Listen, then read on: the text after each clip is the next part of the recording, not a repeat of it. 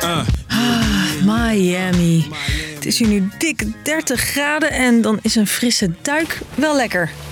Wow, wat heet. 38 graden. We've never seen a record-breaking event like this. Niet echt chill om in te duiken, maar vooral slecht nieuws voor het koraal. They are bleaching. A lot of them are dying, I've heard too. Het koraalrif bij Florida is veranderd in een grote witte massa. Daar maak ik me soms wel zorgen over. Ik ben Chrisje en ik duik met je in het verhaal van het verbleekte koraal. Podcast van NOS op 3 en 3FM. Oké, bij Miami denk je misschien niet meteen aan natuur. Maar duik de zee in in plaats van het nachtleven en je ziet... Prachtige kleuren, eh, grote bouwwerken. Dat zegt Jasper de Goei. Hij is koraalrifonderzoeker. Dan zie je vissen van groot naar klein. En als je beter kijkt zie je sponsen en krabbertjes en kreefjes. Dat is leuk voor duikers en toeristen. That was such a good dive. Maar het heeft ook een functie, legt deze rifduiker uit. Die bezig is met de bescherming van het rif. Koralen zijn de kraamkamers van de zee. Daar worden kleine visjes geboren. Kleine visjes zijn maar voedsel voor grotere visjes. En grotere visjes zijn maar voedsel voor de mensen. Riffen zijn het leefgebied van enorm veel planten en dieren. Zeg, De zeeversie van eh, een tropisch regenwoud. precies, thanks Jasper. Eh, koraal is dus hartstikke belangrijk voor het eten van dieren. En dus uiteindelijk ook voor mensen. Met name voor de mensen die in die gebieden wonen. En dat zijn er echt eh, honderden miljoenen. En dat niet alleen. Riffen beschermen ook tegen hoge golven. En met name als er tropische stormen of orkanen komen, dan, dan zie je in plekken waar er geen, of, of het koraalrif niet meer goed is, dat, dat daar veel meer schade ontstaat.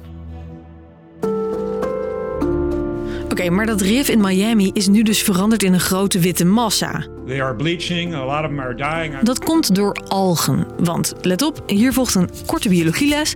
Het koraal is een dier Familie van de kwal, dat samenleeft met algen. Die algen geven het koraal hun mooie kleur. eh, maar die zorgt ook voor een belangrijk deel voor het voedsel eh, van, van het koraal. Maar algen walgen van warmte. Dus als de temperatuur van het water stijgt, verlaten ze het rif en verkassen ze naar een nieuwe plek. Koelt het water snel af, dan komen ze weer terug. En heeft het rif dus gewoon weer te eten. Maar als het wel te lang duurt, dan gaat het koraal eh, dood. Dat koraal af en toe verbleekt is dus niet gek. Maar dat het nu al gebeurt, dat is wel zorgelijk, zeggen wetenschappers. And here we are only in July. I mean, we've got another couple months of peak heating to go. Voor algen is het water nu al te warm en die hitte houdt nog wel even aan. En dit speelt natuurlijk niet alleen in de VS.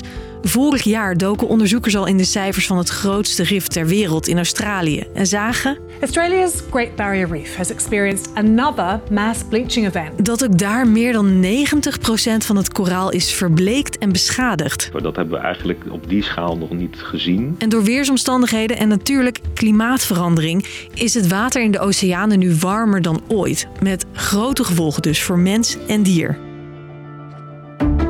Belangrijk dus dat koraal. Dus er wordt van alles gedaan om het te redden. Bijvoorbeeld met beton. Het lijkt nu gewoon een simpel blok beton, maar binnen twee jaar is het overgenomen door koraal. En hopelijk is het een huisje voor bijvoorbeeld een octopus of een inktvis. Dat zegt Jesse de Bond. Hij werkt voor Reef Systems, dat overal ter wereld betonnen buizen op de zeebodem plant. En organisaties proberen ook koraalbaby's te kweken in het lab. En eh, die te laten opgroeien tot kleine koraaltjes en dan eh, terug te zetten op het rif. En dan zijn er ook nog onderzoekers die het over een andere boeg gooien. En op zoek gaan naar koraal en algen die wel tegen warm water kunnen. We willen kijken of we die koralen kunnen gebruiken om de diepere riffen te herstellen. Dat als in de toekomst dat water ook opwarmt, dat in ieder geval die koralen die temperatuur kunnen overleven. Vertelt Ewout Knoester, bioloog aan de Wageningen Universiteit. Maar of al die projecten genoeg zijn? Ik denk niet dat het genoeg is om eh, koraalriffen 100% eh, te restaureren of, of terug te krijgen naar ja, hoe riffen er eh, bij wijze van spreken eh, 50 jaar geleden uitzagen. Dan, dan zullen we toch echt iets moeten gaan doen aan eh, klimaatverandering. Want zo lijkt het nu, voorlopig wordt het alleen maar warmer. 10 years from now, this will be seen as a relatively quiet summer. Certainly a relatively cool summer.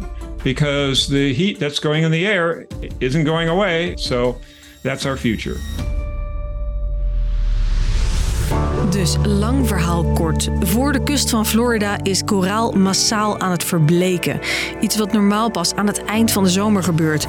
komt doordat het water heel warm is voor de tijd van het jaar. Onderzoekers maken zich zorgen, want koraal is super belangrijk voor mensen en dieren. Daarom zijn er nu allerlei initiatieven om zoveel mogelijk koraal te herstellen. Dat was hem weer.